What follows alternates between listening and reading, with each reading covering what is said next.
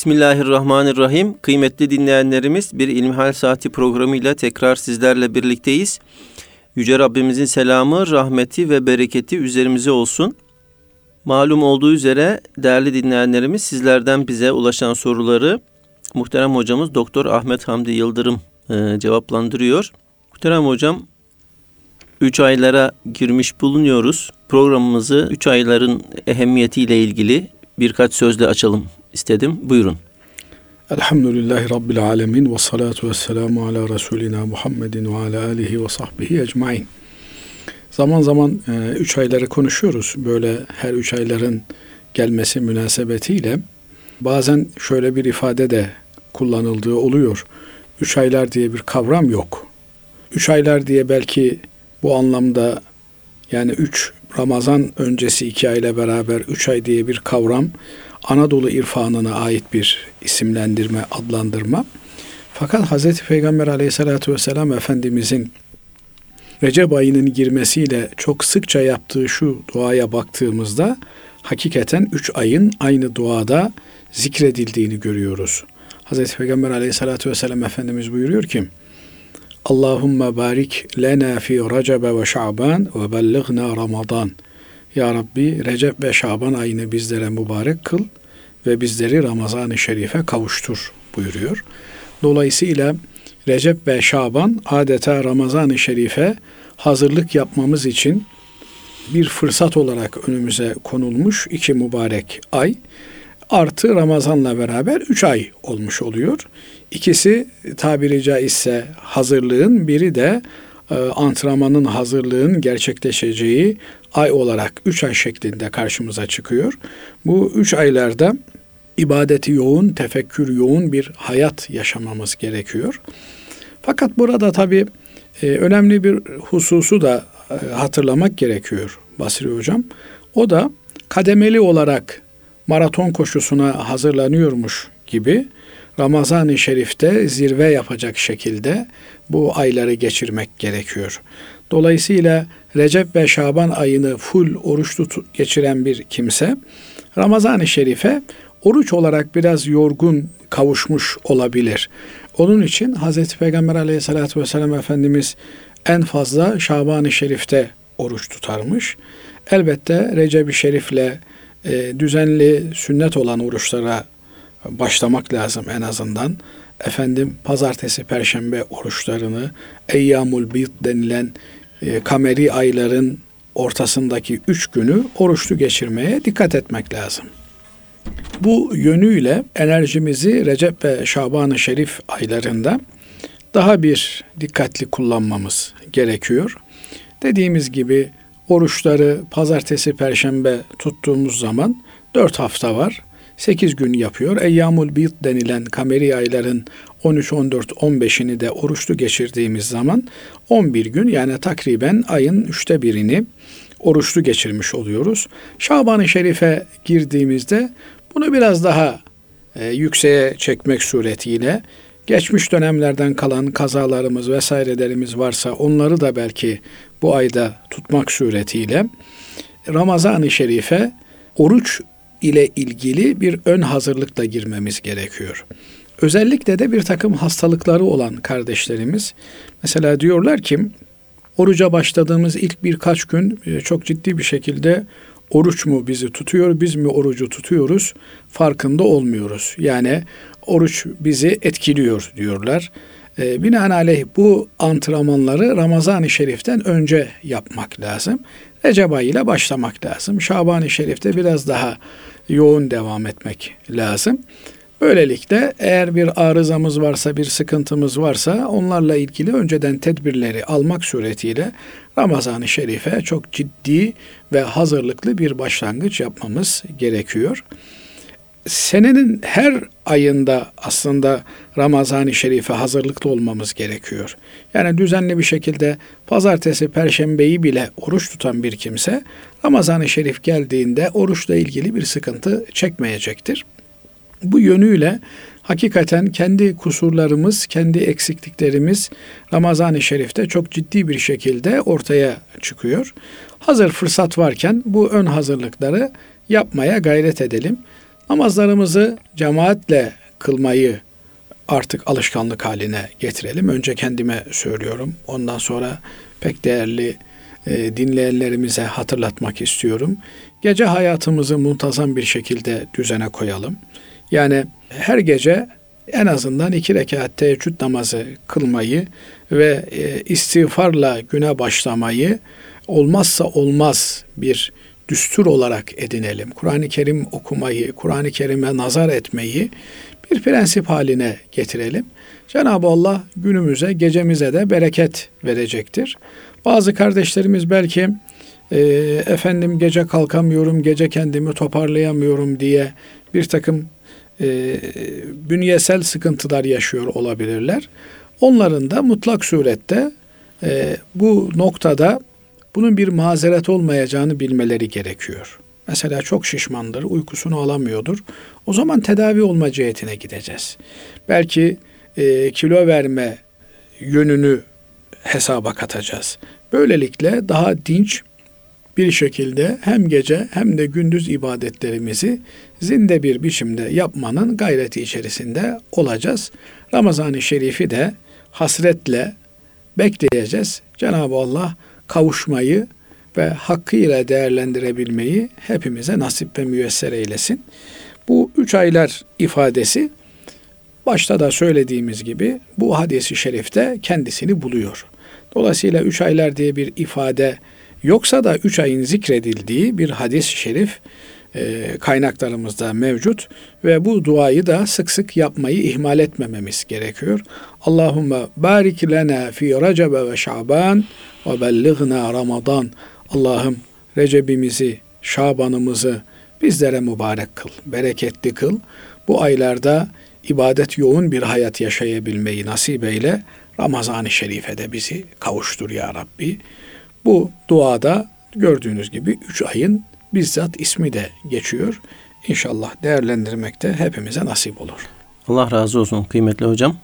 Şimdi dinleyicilerimizden bize ulaşan sorulara geçmek istiyorum. İlk sorumuz şöyle. Selamun Aleyküm. Günahlara buğz etmemiz gerekiyor. Peki örneğin dışarıda tesettürsüz bir kadın görünce onun günah işlediğinden nasıl emin olabiliriz? Tesettürsüz herkes kesin günah mı işliyor? Zaruri bir sebepten takamıyor olabilir diyerek hüsnü zan edip buz etmeyebilir miyiz? Suizan etmekten de korkuyorum çünkü. Üniversite okuduğum için çok sayıda tes- tesettürsüz kadın görüyorum ve sürekli başımı e, meşgul ediyor bu konu diyor. Buz etmeli miyim yoksa etmemeli miyim? Suizan olur mu olmaz mı diye devamlı düşünüyorum. Ayrıntılı açıklama yaparsanız çok sevinirim demiş değerli dinleyicimiz. Evet şimdi burada e, dikkat edilmesi gereken birkaç husus var. Birincisi zaruret kavramı üzerinde durmak gerekiyor. Zaruret nedir? Mesela bir araştırma yapmışlar. Uluslararası çok meşhur bir gazlı içecek markası ile ilgili. Hatta Körfez ülkelerinden birinde yapılmış röportajlar. E, muhabir elinde mikrofonla dolaşıyor. Peçeli hanımlara yaklaşıyor. Diyor ki filan marka gazlı içeceği içmeden durabilir misiniz?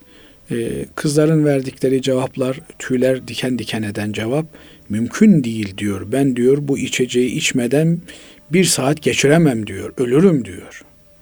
Şimdi burada e, kendisini şartlamış. Yani bağımlı hale gelmiş. Bazı bağımlılıklar var. Bunlar insanda artık aksi düşünülemez hale geliyor. Mesela Allah göstermesin insan e, uyuşturucu bağımlısı olsa uyuşturucusuz yapamıyor efendim e, bir durum söz konusu olduğunda uyuşturucu bulup da kullanamadığında krize giriyor. Kriz esnasında çok ciddi bir şekilde kendisine zarar veriyor. Şimdi bu kimseye ya kardeşim artık bu zaruret olmuş. Bak yani uyuşturucu almadan adam yaşaması mümkün olmaz hale gelmiş. Kendisine zarar veriyor, krize giriyor, başkalarına zarar veriyor. Dolayısıyla bu kimse uyuşturucu kullanabilir diyebilir miyiz? Uyuşturucu kullanımı zarurete binaen burada caiz olabilir denilebilir mi? Baktığınızda hakikaten zaruret kavramı içerisinde algılanabilecek bir durum.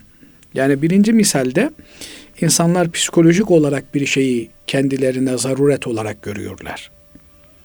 Mesela e, sigara içen bir insan sigarasız yapamayacağını düşünüyor. Sigarayı bırakmakla ölmek onun için eşit hale geliyor. Diğer tarafta bu psikolojik eşik bir tarafa e, işte bir takım uyuşturucu maddelere alışmış olan kimseler hakikaten bunları bulamayınca bünyede ciddi sıkıntılar meydana geliyor. Krize giriyor, şuurunu kaybediyor, sağa sola saldırıyor. Dolayısıyla birinde belki helal olan bir madde fakat insanın kendisini ona psikolojik olarak bağımlı görmesinden dolayı zaruret derecesine algılanıyor. Bir algı meselesi söz konusu. Diğerinde yasak olan bir madde ve bu madde o kadar e, yoğun bir şekilde vücudu istila etmiş ki vücut e, reaksiyon gösteriyor. Maddeyi bulamadığı zaman kilitliyor kendini, krize sokuyor insanı. Bunların şimdi ikisi de bir zaruret değil. Niye zaruret değil? Şundan zaruret değil. Bakıyoruz ki gazlı içeceği içmeyen bir kimse ölmüyor. Hayat standardı da bozulmuyor. Aksine iyileşiyor. Çok ciddi şekilde sağlık zararları söz konusu olduğunda bu gazlı içeceklerde ve çok yoğun miktarda glikoz bulunduğunda hem de yapay tatlandırıcı bulunduğundan dolayı bir hafta, bir ay bunları kullanmayanların çok sağlıklı bir şekilde sağlıklarının ileriye doğru gittiği görülüyor. Dolayısıyla bu bir zarurettir, bu olmazsa olmaz türünden ortaya atılan iddiaların bir algıdan, bir balondan ibaret olduğu görülüyor. Ufacık bir iğne ile o balon patladığında hakikat ortaya çıkıyor.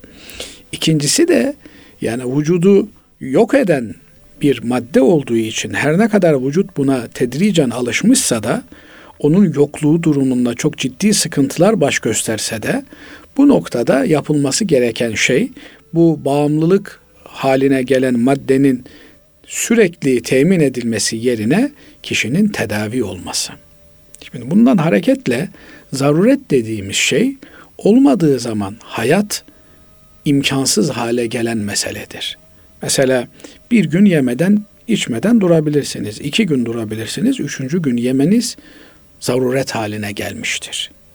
Eğer üç gün yemek bulamadan kalmışsanız artık orada ne bileyim bir sokaktaki leş hayvanı kesip çöpe atılmış bir hayvanı kesip onun etini yemek haram olmasına rağmen zaruret derecesine ulaştığı için sizde açlık yemezseniz bir şey öleceksiniz. Dolayısıyla burada ölümlerden ölüm beğenmek demek durumunda kaldığımızda haram olan bir şeyi yiyebiliriz. Belki yememiz de gerekir. Çünkü hayatımızı korumakla mükellefiz. Efendim susuzluktan kırılıyorsunuz. İçecek hiçbir şey yok. Haram bir içecek var. O içeceği içebilir misiniz? İçersiniz. Niye?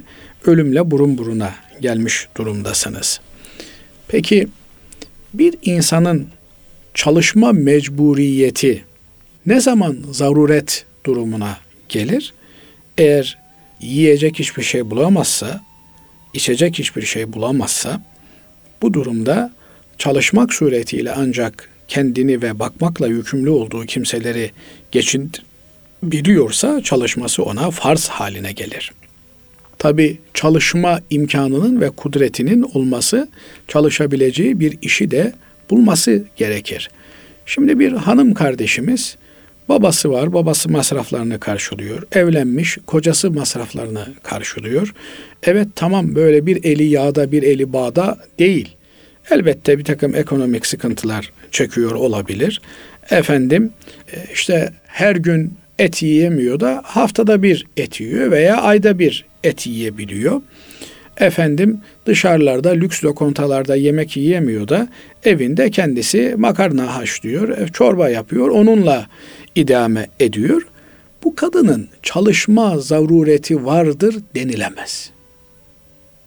Hangi açıdan denilemez? Yani bu çalışmadığı zaman açlıktan ölecek durumu söz konusu değil. Gayet doğal bir şekilde hayatını sürdürebilir, idame ettirebilir. Bir diğer tarafta sadece insanın ihtiyaçları zaruret olarak görülüp karşılanması gereken ihtiyaçları maddi ihtiyaçlar mıdır? Değil. Bir takım psikolojik ihtiyaçlar da ihtiyaçtır. Eğer bu kadın dışarıya çıkmadığında, evde kaldığında efendim psikolojik olarak rahatsız hissediyor kendine, darlanıyorsa bu kadın da bir sosyal faaliyetin içerisinde bulunabilir. Başörtüsüne kimsenin karışmayacağı, etmeyeceği, aksine taltif görebileceği bir ortamda bulunabilir. Ama bir kadın var ki Müslümanlar hiçbir şekilde yardım etmiyorlar. Efendim kadıncağız da çocuğuna bakmak için belki yatalak olan annesine bakmak için çalışma mecburiyetinde bir zorunluluğu var.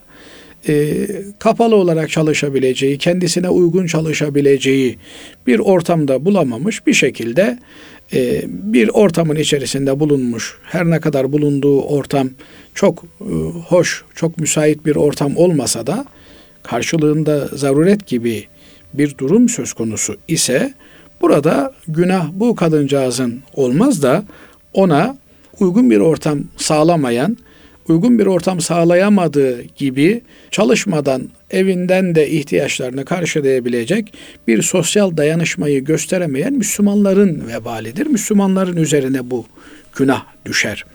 Binaenaleyh eğer böyle bir durumdaysa bir kadın ona bizim yapmamız gereken acımak değil. Acımak ötekileştirmek de vah vah ah, ah zavallı filan demektir. Merhamet duygusu acımak değildir.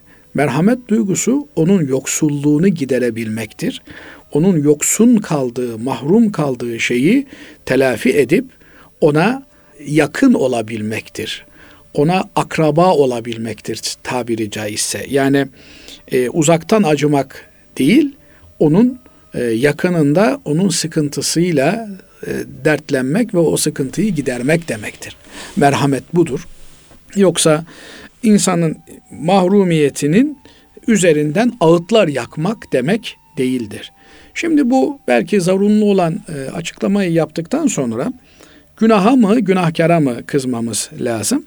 Bizim kimseyi tenkit etmek gibi yani Ahmet şöyle yapıyor, Mehmet şöyle yapıyor. Bak aa hocanın kızı şöyle dolaşıyormuş. Aa bak e, abinin oğlu şöyle giyiniyormuş diye kimseyi ismen, cismen tenkit etmek gibi bir lüksümüz yok. Böyle bir vazifemiz yok. Aksine böyle bir şey günah olmuş olur.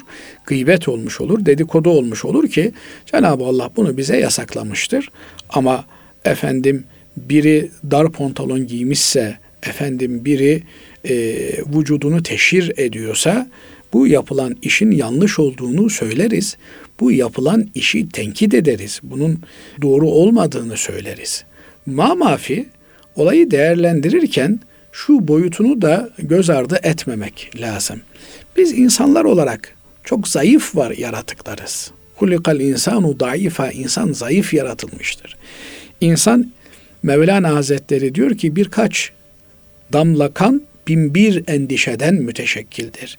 İnsanın bin bir türlü endişeleri vardır. O endişeleri Cenab-ı Allah doğuşta sıfır olarak yaratmışken etrafımızdan, toplumumuzdan, çevremizden, annemizden, babamızdan bu endişeleri kazanırız.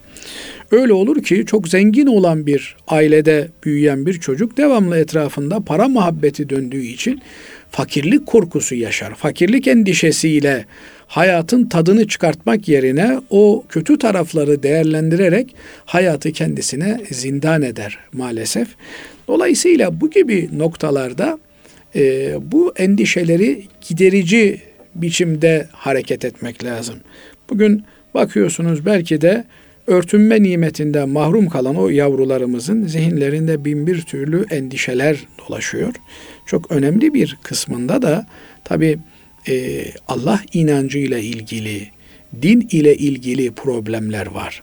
Yani e, biz onun başörtüsüyle ilgileniyoruz belki ama kızın başının içinde problem var. Delikanlının başının içinde problem var.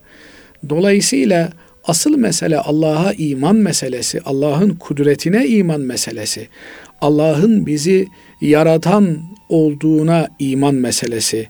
Yoksa iman meselesi hallolduktan sonra Allah'ın her türlü emirleri kulu için artık zevkle uyulacak hale gelir. Allah'ın yasakları da kulu için gözden düşer ve artık e, bir mana, bir ehemmiyet taşımazlar.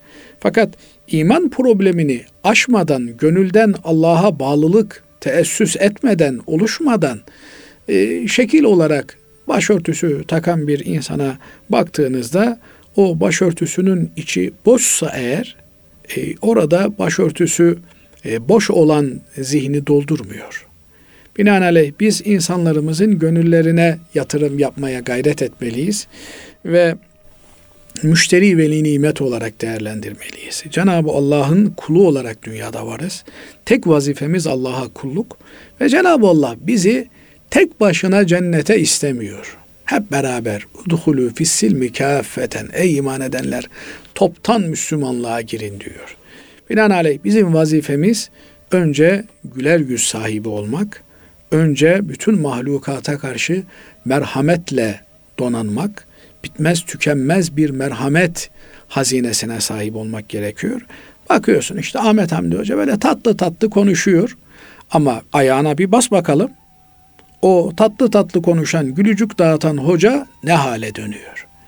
Binaenaleyh bize bir omuz atan olduğunda, efendim bir yan bakan olduğunda hemen ona karşı tavrımız değişiyor ise e, o zaman demek ki biz hakikaten merhamet dağıtıcı olma vasfını kazanamamışız demektir. Bakarsınız mesela e, doktor kolu kırılan bir kimseye müdahale ediyordur veya çıkığı olan bir kimseye müdahale ediyordur. Doktor daha dokunmadan bağırır, küfürler saydırır adam. Ama doktor hiç ilgilenmez yani sen küfretmişsin, lanet okumuşsun, bağırmışsın, çağırmışsın vazifesini yapar. Neden? Çünkü bilir ki iyileştikten sonra mahcup bir şekilde e, başını öne eğerek geleceksin. Doktor bey çok özür dilerim. Ben o acının şeyiyle ne dediğimi bilemedim. Sizi incittim, kırdım. Hakkınızı helal edin diyecektir. Niye? Normal bir şey. Şeytan adama musallat olmuş. Sen diyorsun ki o zevkli sofrasına oturmuş kendine göre. Kardeşim diyorsun. Kendine kıyma. Bağıracak, çağıracak sen işine bak kardeşim diyecek ya. Başıma şey mi kesildin sen? Peki diyeceksin, gideceksin, bir daha geleceksin, gideceksin, bir daha geleceksin. Dolayısıyla e, küsmek, darılmak yok. Ama adama küserseniz o zaman siz de döner adama dersiniz ki terbiyesiz herif. Ben senin iyiliğin için konuşuyorum. Senin söylediklerine bak. Ne olur? Orada ilgi ve alaka kesilmiş olur. Halbuki Cenab-ı Allah en güzel kullarından biri Musa aleyhisselamı en dinsiz, imansız kulu Firavun'a gönderirken bile yumuşak söz söyle diyor. Kavlen leyyinen, kavli leyyin söyle. Yani gönül alıcı konuş diyor. Binaenaleyh bu noktada bize düşen gönül alıcı olmak. Adam bataklığa batmış diye bataklığa kızalım ama batağa düşen adama bağırmayalım. Şimdi bunu bazen doktorlarımız da yapıyor. Gidiyorsunuz hiç sizi muayene etmeden olmaz kardeşim sende kilo fazla. Tamam anladım kilo fazla da önce bir tansiyonuma bak.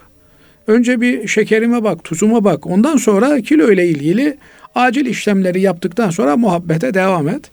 Binaenaleyh hakikaten üslup çok önemli. Üslup zenginliğine kavuşmamız lazım.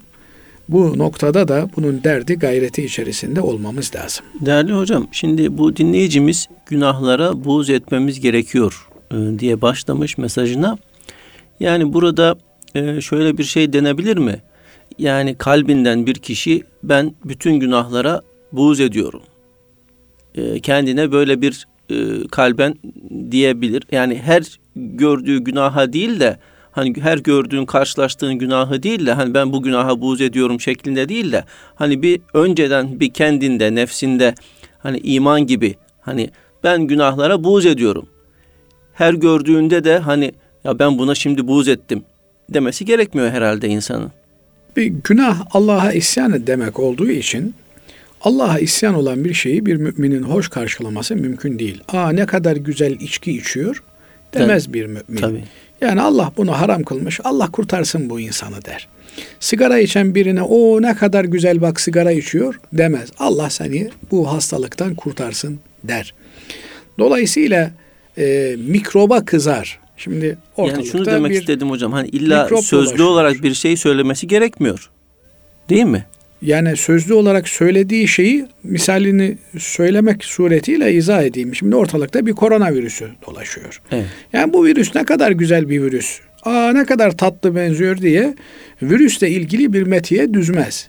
Ama virüse sahip sövecek hali de yok. Çünkü virüs onun dilinden anlamaz.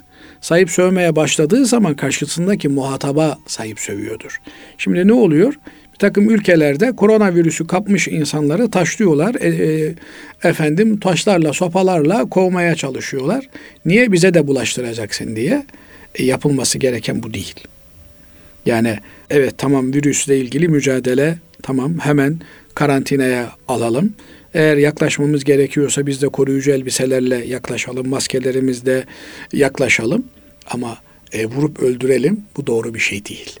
Dolayısıyla işte içki içen bir adamı gördünüz veya sigara içen bir adamı gördünüz. Sigara sen kötü bir şeysin diyecek haliniz yok.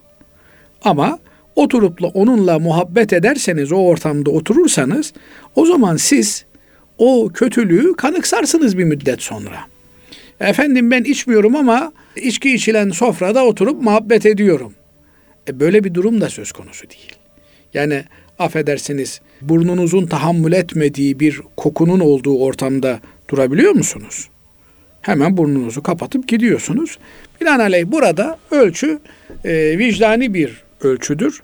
Evet çamura düştü diye e, çocuğu dövecek halimiz yok ama üstündeki çamuru temizlemeye gayret edeceğiz. Aman yavrum bir daha böyle pis yerlere düşme diyeceğiz. Allahu alem. Allah razı olsun kıymetli hocam. Değerli dinleyenlerimiz şimdi kısa bir araya gidiyoruz. Aradan sonra inşallah kaldığımız yerden devam edeceğiz. huzur bulacağınız ve huzurla dinleyeceğiniz bir frekans. Erkam Radyo, Kalbin Sesi. Değerli dinleyenlerimiz İlmihal Saati programımızda kaldığımız yerden devam ediyoruz. Sizlerden bize ulaşan soruları değerli hocamız Doktor Ahmet Hamdi Yıldırım cevaplandırıyor. Muhterem hocam dinleyicimiz şöyle bize bir mesaj göndermiş. Diyor ki rızkımızın ezelden belli olduğunu bildiğimize göre rızık için dua etmeli miyiz? Mesela daha fazla istesek ve ona göre çalışsak bile bu bir şeyi değiştirir mi? Evet bu e, meseleler üzerinde çok ciddi tartışmalar olmuş. Dua kaderi değiştirir mi, değiştirmez mi? Kader nedir? Güzel bir söz okumuştum geçenlerde. Kader olana rıza göstermektir. Ama olana kadar elindeki bütün imkanları seferber edersin. Efendim çalışırsın, çırpınırsın, didinirsin, dua edersin. Duanın karşılığı muhakkak vardır. Zaten kişinin Cenab-ı Allah'a dua edebilmesi onun için en büyük karşılıktır. Zira Cenab-ı Allah Udu'uni estecib leküm. Bana dua edin, ben size icabet edeyim buyurmaktadır. Binaenaleyh dua etmek, duanın cevabını alma garantisini taşımaktadır. Ben dua ettim, duam kabul olmadı diyen bir insan çok yanlış bir söz söylemiştir.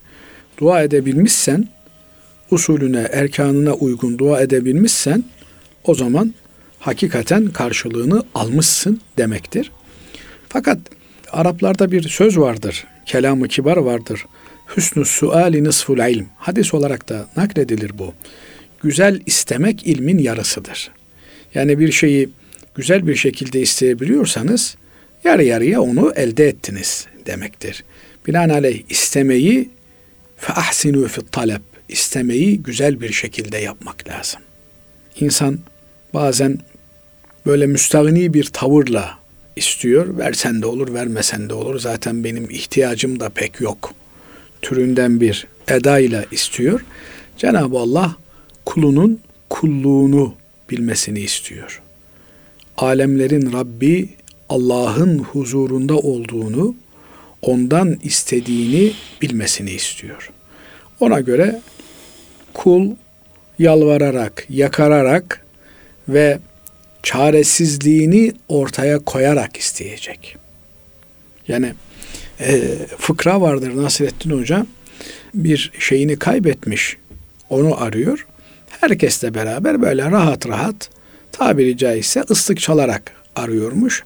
Hoca demişler ya çok rahatsın sen hayati bir şeyini kaybettin işte merkebini kaybettin. Niye bu kadar rahatsın? Ha, durun demiş. Şu dağın arkasında bir ümidim var demiş. Orada da bulunmazsa siz o zaman feryadu figanı duyarsınız demiş.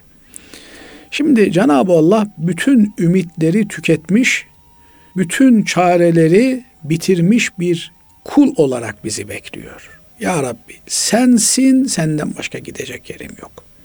Ama bazen ne oluyor? Ya işte bankada paramız var ona itimat ediyoruz. Efendim evde çocuklar var ona itimat ediyoruz. Böyle tok satıcı muamelesi yapıyoruz. Binaenaleyh Cenab-ı Allah karşısında kulunu müstahni görünce başka alternatiflerle huzuruna geldiğini görünce o alternatiflerin eline bırakıyor. Onun için diyor ki ayet Hatta izâ stey'eser rusulu ve zannu en la melce'e illa ileyh. Peygamberler bütün insanlardan ümit kestiler. Artık çaresiz kaldık ya Rabbi senden başka gidilecek kapı yok dediler. O zaman yardımımız geldi yetişti diyor. Demek ki böyle feryadu figan halinde çaresiz tek çare, tek kapı Cenab-ı Allah diye dua etmemiz halinde bu duanın kabul olunmamasının imkanı yok. Yine güzel bir menkıbedir. Bir zata soruyorlar. Duası kabul olunan bir zat var mı gidelim ondan dua isteyelim diye. Duası kabul olunan zatları bilmem de diyor. Duaları kimin kabul edeceğini bilirim diyor. Yani Cenab-ı Allah bu şekilde kendisine gelen kulunu boş çevirmez, geri çevirmez. Bazen biz e, zararımızı da isteriz. Ayet-i kerimede o da ifade ediliyor. İnsan zararını ister diyor. Şerrini çağırır diyor. Cenab-ı Allah samimiyetimize göre istediğimiz zararı bize vermez. Binaenaleyh biz önce ah niye olmadı vah vah niye şey olmadı diye vahlanırken bir de bakarız ki iyi ki olmamış. Benim böyle hayatımda iyi ki olmamış dediğim onlarca yüzlerce mesele vardır. Allah'ım şöyle olsun böyle olsun bir bakmışım ki sonunda iyi ki olmamış. Onun için Allah gani gani rahmet eylesin. Mehmet Eminer hocamız vardı. E, muammerinden bizzat yüz küsür yaşlarında vefat Allah etti. Allah rahmet eylesin. Onunla e, Mekke-i Mükerreme'de bir haç yapmak nasip oldu. Dikkatimi çeken bir nokta oldu. Kendi yanına gelip de dua isteyen herkese Allah hayırlısını versin diye dua eder. Şunu da tembih ederdi. Cenab-ı Allah'tan nokta atışı bir şey istemeyin. Allah'ım şunu ver, bu sene beni hacca gönder. Allah'ım şunu alayım, bunu edeyim. Allah'ım hayırlısını ver. Bir derdim, neyin hayır, neyin şer olduğunu biz bilemeyiz. Bazen insan işte e, şu işim olsun diye böyle çok iştahlı bir şekilde ümit eder. Aman bir evladım olsun diye yırtınır. Bir de 30 sene 40 sene sonra çok duyarsınız böyle bu çocuğu niye yaptım diye vahlanan anneler babalar işte annesini babasını öldüren Allah muhafaza etsin. Binaenaleyh Allah'tan hayırlısını istemek lazım. Hiçbir şeyi böyle olmazsa olmaz gibi istememek lazım. Ama Allah Teala'dan hayırlısını e, bütün samimiyetimizle istememiz lazım. Ya Rabbi haccın beytini hac etmeyi bana lütfet diye bir insan duada bulunabilir. Bana helalinden rızık lütfet ya Rabbi bulunabilir. Ma mafi şunu da unutmamak gerekir ki bizim yaptığımız dualar da kaderin bir parçasıdır. Yani Cenab-ı Allah bizi huzuruna kabul etmeden öyle huzura gitme imkanımız yok. Şimdi bakıyorsunuz başbakanlar, cumhurbaşkanları, efendim krallar davet ettiklerinde davette giyilecek elbiseyi de işte koyu renk takım giyilecek diyor. Açık renk bilmem ne giyilecek diyor. Şunu takacaksın, bunu edeceksin diyor. İşte Cenab-ı Allah'ın huzuruna giderken de samimi bir kalple huzura gideceksin. Böyle olunca Cenab-ı Allah kulunun taleplerini geri çevirmez. Elbette Allah'tan isteyeceğiz. Allah'ım hayırlı ticaretler lütfet diye. Haram olana bulaşmayacağız. Helalinden işimizi götüreceğiz. Kimsenin gönlünü kırmadan bir ticaret icra etmeye çalışacağız. Ne kimsenin hakkını yiyeceğiz ne de kimseye hakkımızı yedireceğiz. Gerekirse hakkını müdafaa etmek için, malını müdafaa etmek için bir insan şehadeti de göze alır. Yani adam geldi paramı vermezsen beni öldürecek. E sen de ona mukabele edersin. Ölürsen şehit olursun. Binaenaleyh. Ama şunu da unutmamak gerekiyor ki biz bu dünyayı ahiret için kazanmaya gayret ediyoruz. Yani bu dünyada kalıcı değiliz. Bu dünyada e, ahireti kazanmaya yönelik bir ticaret içerisinde olmamız lazım. Bazen dünyayı hedef haline getiriyoruz, maksat haline getiriyoruz. Kalacakmışız gibi burada hareketler yapıyoruz. Çok pişman olacağımız şeyler. Ama daha çok infak edeyim, daha çok ümmeti Muhammed'e faydam olsun diye hakikaten bir insan samimi bir niyetle bir iş yapıyorsa Cenab-ı Allah onun dünya ve ahiretini mamur eder. Evet. Allah razı olsun kıymetli hocam. Diğer bir dinleyicimiz şöyle e, bir soru sormuş. Bir Müslüman tadili erken olmadan kıldığı namazla ebedi cehenneme gider mi? Ebedi cehennem ifadesi Müslümanla bir araya gelecek bir cümle değil. Yani Müslüman bir kimse ebedi cehennemlik olmayacak bir kimsedir Allah'ın izniyle. Ama Müslümanlığında problem varsa Allah'ı inkar eder veya Allah'a bir şeyleri şirk koşarsa ki bu şirk meselesi önemli bir mesele. Allah'tan başka mutlak güç ve kuvvet sahibi olduğuna inanırsa bir şeylerin çok sıkıntılı bir mesele. Fakat bir Müslümanın böyle bir şey olacağını zannetmem. Kudretin, gücün Allah'ın olduğunu bilir. Fakat namazında gevşek diyelim veya namazını düzgün kılmıyor. Bu meselede eğer namazını düzgün kılmaması e, münafıklığından kaynaklanıyorsa ki Cenab-ı Allah feveylül lil musallin buyuruyor. Vay o namaz kılanların haline. Ki onlar namaza kalktıkları zaman e, üşengeç kalkarlar. Namazda unuturlar. Namazla ilgili irtibatları yüzeysel bir ilişkidir, sathi bir alakadır. Bu kimselerin kıldıkları namaz namaz değildir buyuruyor. Eğer bu namazdaki gevşeklikleri efendim yine hadislerde anlatıldığı gibi tavuğun yem yemesi gibi böyle namazı e, kılmakla kılmamak arasında bir pozisyonda geçirilen bir eylemse namaz diye adlandırdıkları şey bu onların Müslümanlıklarının problemli olduğunun alametidir. Yani tadile erkansız kılınan bir namaz e, kalitesiz Müslümanlığın bir sonucudur. Kaliteli bir Müslüman namazdan zevk alır. Şimdi burada da tabii e, şunu söylemek lazım. Zaman zaman anlatıyorum Basri Hocam. Bilmiyorum belki değerli dinleyicilerimize de anlatmışızdır. E, bir grup kesimle o kesimin önderlerinden biriyle bir hoca kardeşimiz ders yapıyor. Arapça dersi alıyormuş. İşte akşam namazı vaktine denk geliyor diyor hoca kardeşimiz. Seccade istiyorum. Seccadeyi sağ olsun veriyor. Namazımı kılıyorum. 1, 2, 3, 5. Biraz samimiyeti konuşmayı ilerletince dedi ki diyor. Ya namaz kılıyorsun ama kıldığın namazdan bir zevk alıyor musun? Bir tad alıyor musun? Yoksa boşu boşuna öyle yatıp kalkıyor musun? Ben de dedim ki diyor yani doğrusunu söylemek gerekirse beklediğim zevki, huzuru alamıyorum. Ama bir gün o huzuru almak için ben bu namazları kılıyorum diye cevap verdim. Dedi kardeşimiz. Ben de haddim olmayarak şöyle bir cümle söyledim. Keşke dedim şöyle deseydin. Yani keşkenin anlamı e, artık geriye dönük yapacak bir şey yok ama bir daha karşılaşılırsa böyle bir durumla şöyle cevap verilebilir manasına. Evet, namaz kıldığımda o beklediğim tadı, lezzeti, hazzı alamıyorum. Yani namazdayken böyle sadece Cenab-ı Rabbül Alemin'in huzurunda olduğumu düşünerek aklıma başka hiçbir şeyi getirmeden bir namaz kılamıyorum.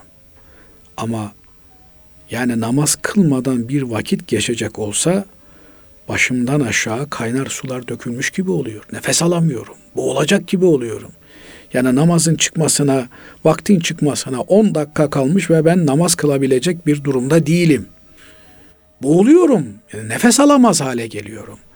Belki namaz kılmanın verdiği o beklenen tat, haz, lezzet yok ama namaz kılamamanın verdiği azap o kadar yoğun bir azap ki. Yani bir hikaye anlatırlar. Ee, adamın bir tanesi sabah uyuyakalmış. Şeytan dürtmüş. Kalk demiş namazın geçiyor kardeşim demiş. Neyse e, kalkmış namazını kılmış adam. Küçük şeytanlardan biri soruyor büyük şeytana. Ya diyor bırak namazını kılmasın adam diyor. Sen niye dürttün de diyor onu diyor namaza kaldırdın diyor. Bizim kitapta diyor iyiliği söylemek, teşvik etmek var mı diyor. Sus diyor sen anlamazsın diyor. Onu diyor namaza kaldırmasaydım diyor. Öğleye kadar öyle feryadu figan ağlardı ki diyor. Bugüne kadar bütün yaptığı günahlar affolduğu gibi bütün ümmeti Muhammed'in günahları bile onun sayesinde affolurdu. Bu kar zarar meselesi. Yani şeytan adamı namaza kaldırır mı? Kaldırır. Niye?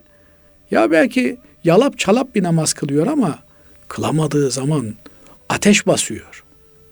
Dolayısıyla Cenab-ı Allah bizi namazdan zevk alan, namaz kılamadığında hayattan bezmiş bir hale getirsin diye dua ediyorum. Namaz kılamamak diye bir şeyi daha doğrusu aklıma getiremiyorum. O kadar önemli bir şey ki bu Vasili Hocam. Bir kardeşimiz vardı Fatih'te. Ee, bir yakınları çok ciddi hasta. Yani sadece gözlerini oynatabiliyor öyle düşünün. Yani başını biraz çevirebiliyor. Namaz kılıyor ama. Gelen giden birkaç kişi bayram ziyaretinde ya senin namaz kılmana gerek yok niye boşuna kendini yoruyorsun filan diye söyleye söyleye adamı namazı bıraktırmışlar. Bunu anlatan kardeşimiz diyor ki namazı bıraktıktan sonra diyor hızla çökmeye başladı diyor. Namaz Müslümanın hayata tutunabileceği enerjisi yani namazı Müslümanın elinden aldığınızda can damarını kesmiş gibi. En büyük enerji. Allah muhafaza etsin. Evet. Onun için e, namaz kılan ki özellikle de bu namaz cemaatle kılınan bir namazdır. E bu adamda asosyalleşme görülmez. Birçok psikolojik rahatsızlıklar kolay kolay bunda zuhur etmez. Niye? Çünkü Cenab-ı Allah ona bir enerji yüklemiştir. Binaenaleyh bazen farkında olmadan hakikaten tadili erkansız namaz e, kılınıyor. Bu tür kardeşlerimizi de güzel ikna etmek lazım. Yani namazın zevk haline dönüşmesini temin etmek lazım. Onun için cemaatte kılınan namazlar biraz daha derli topludur. Cemaatten ayrılmamaya gayret etmek lazım. Rabbim hepimizi affetsin. Namaz kılanlardan eylesin. Bizleri de, zürriyetimizi Amin. de, bütün ümmeti Muhammed'i de inşallah. Değerli hocam, diğer bir sorumuz. Kabirde insanlara cennet veya cehennemdeki yerleri gösteriliyor diye dinledim. Mahşerde hesaba çekilmeden bu nasıl oluyor?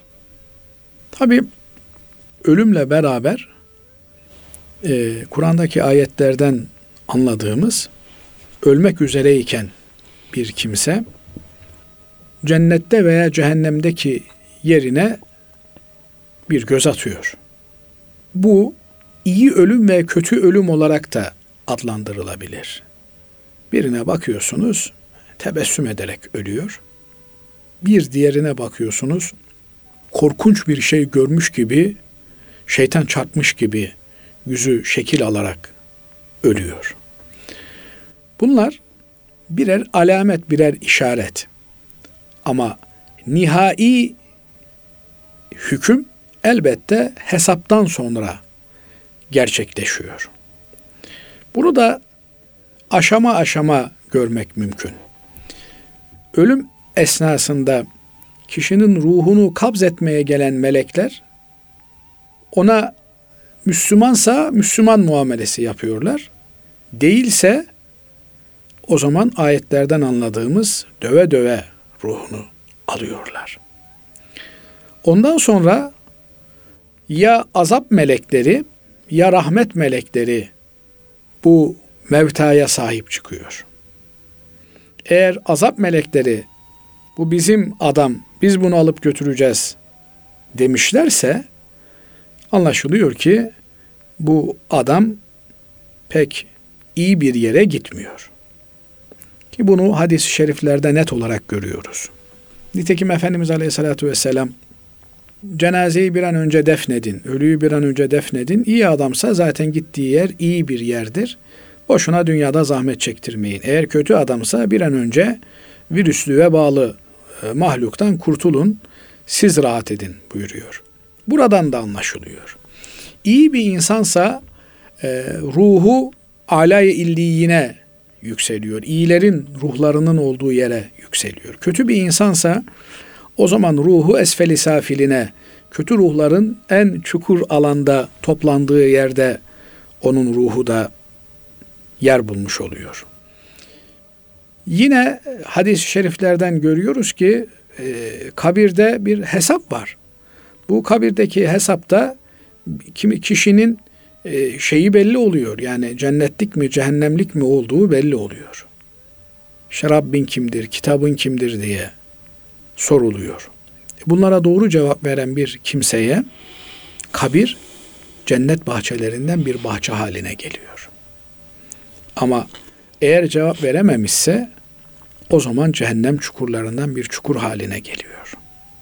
Binaenaleyh bu alem yani şu içinde yaşadığımız e, üç boyutlu alemin dışına çıktığımızda zaman, mekan ve fiziki boyutun dışına çıkıldığında farklı bir alem tecelli ediyor.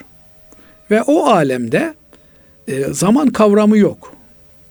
Binaenaleyh bazıları diyorlar ki işte adam bin sene önce öldü. E, o zaman bin senedir azap çekiyor. E şimdi ölen adamla bu adamın arasında bin senelik ekstra bir azap var. Bu bir haksızlık değil mi? Değil. Niye? Çünkü zaman kavramı yok orada. Hani derler ya bozuk saat günde iki defa doğruyu gösterir diye. Evet bozuk saat günde iki defa doğruyu gösterir. Niye?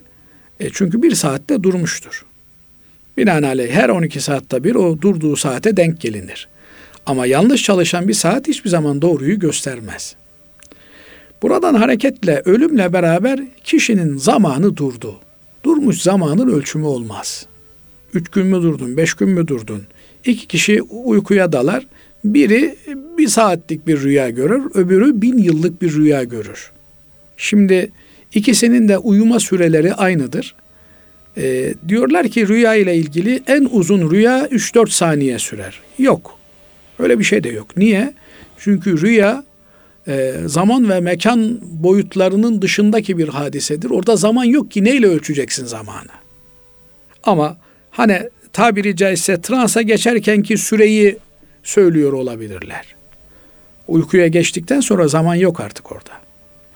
Hasılı kelam e, Cenab-ı Allah bizim iyi mi veya kötü mü olduğumuzu, nereye gideceğimizi bildiği için her aşaması insanın cennettir. Eğer cennetlikse cehennemdir eğer cehennemlikse. Onun için bakarsınız ki bir adam cehennemlik bir adamsa onun hareketlerinde o cehennemliğin alametleri görülür. Bir kibir görülür. Cenab-ı Allah kibiri asla affetmem diyor. Bir böbürlenme, bir kendini beğenme görülür. Evet belki çok namaz kılıyordur, sabahlara kadar Kur'an okuyordur, namazdır vesaire. Ama o kibir o cehennemlik olmanın alametidir. Allah muhafaza eylesin. Bir adamla bakarsınız günahkardır ama öyle bir mütevazidir, öyle bir hayır ve iyilik sahibidir. Cenab-ı Allah ona imanı lütfeder ve cennetliklerden olur. Binaenaleyh cehennemliğin dünyadaki hayatı da cehennemliktir görebilen için. Basri Hocam. Cennetliğin dünyadaki hayatı da cennetliktir. Cenab-ı Allah razı olduğu kumları cümlesine bizleri dahil eylesin. Hakikaten fedhuli fi ibadi kullarımın arasına gir hitabıyla bir müjdeye erebilmek büyük bir bahtiyarlık. Allah hepimize nasip eylesin. Allah razı olsun değerli hocam. Kıymetli dinleyenlerimiz bir İlmihal Saati programımızın daha burada sonuna ermiş bulunuyoruz. Hepinizi Allah'a emanet ediyoruz efendim. Hoşçakalın.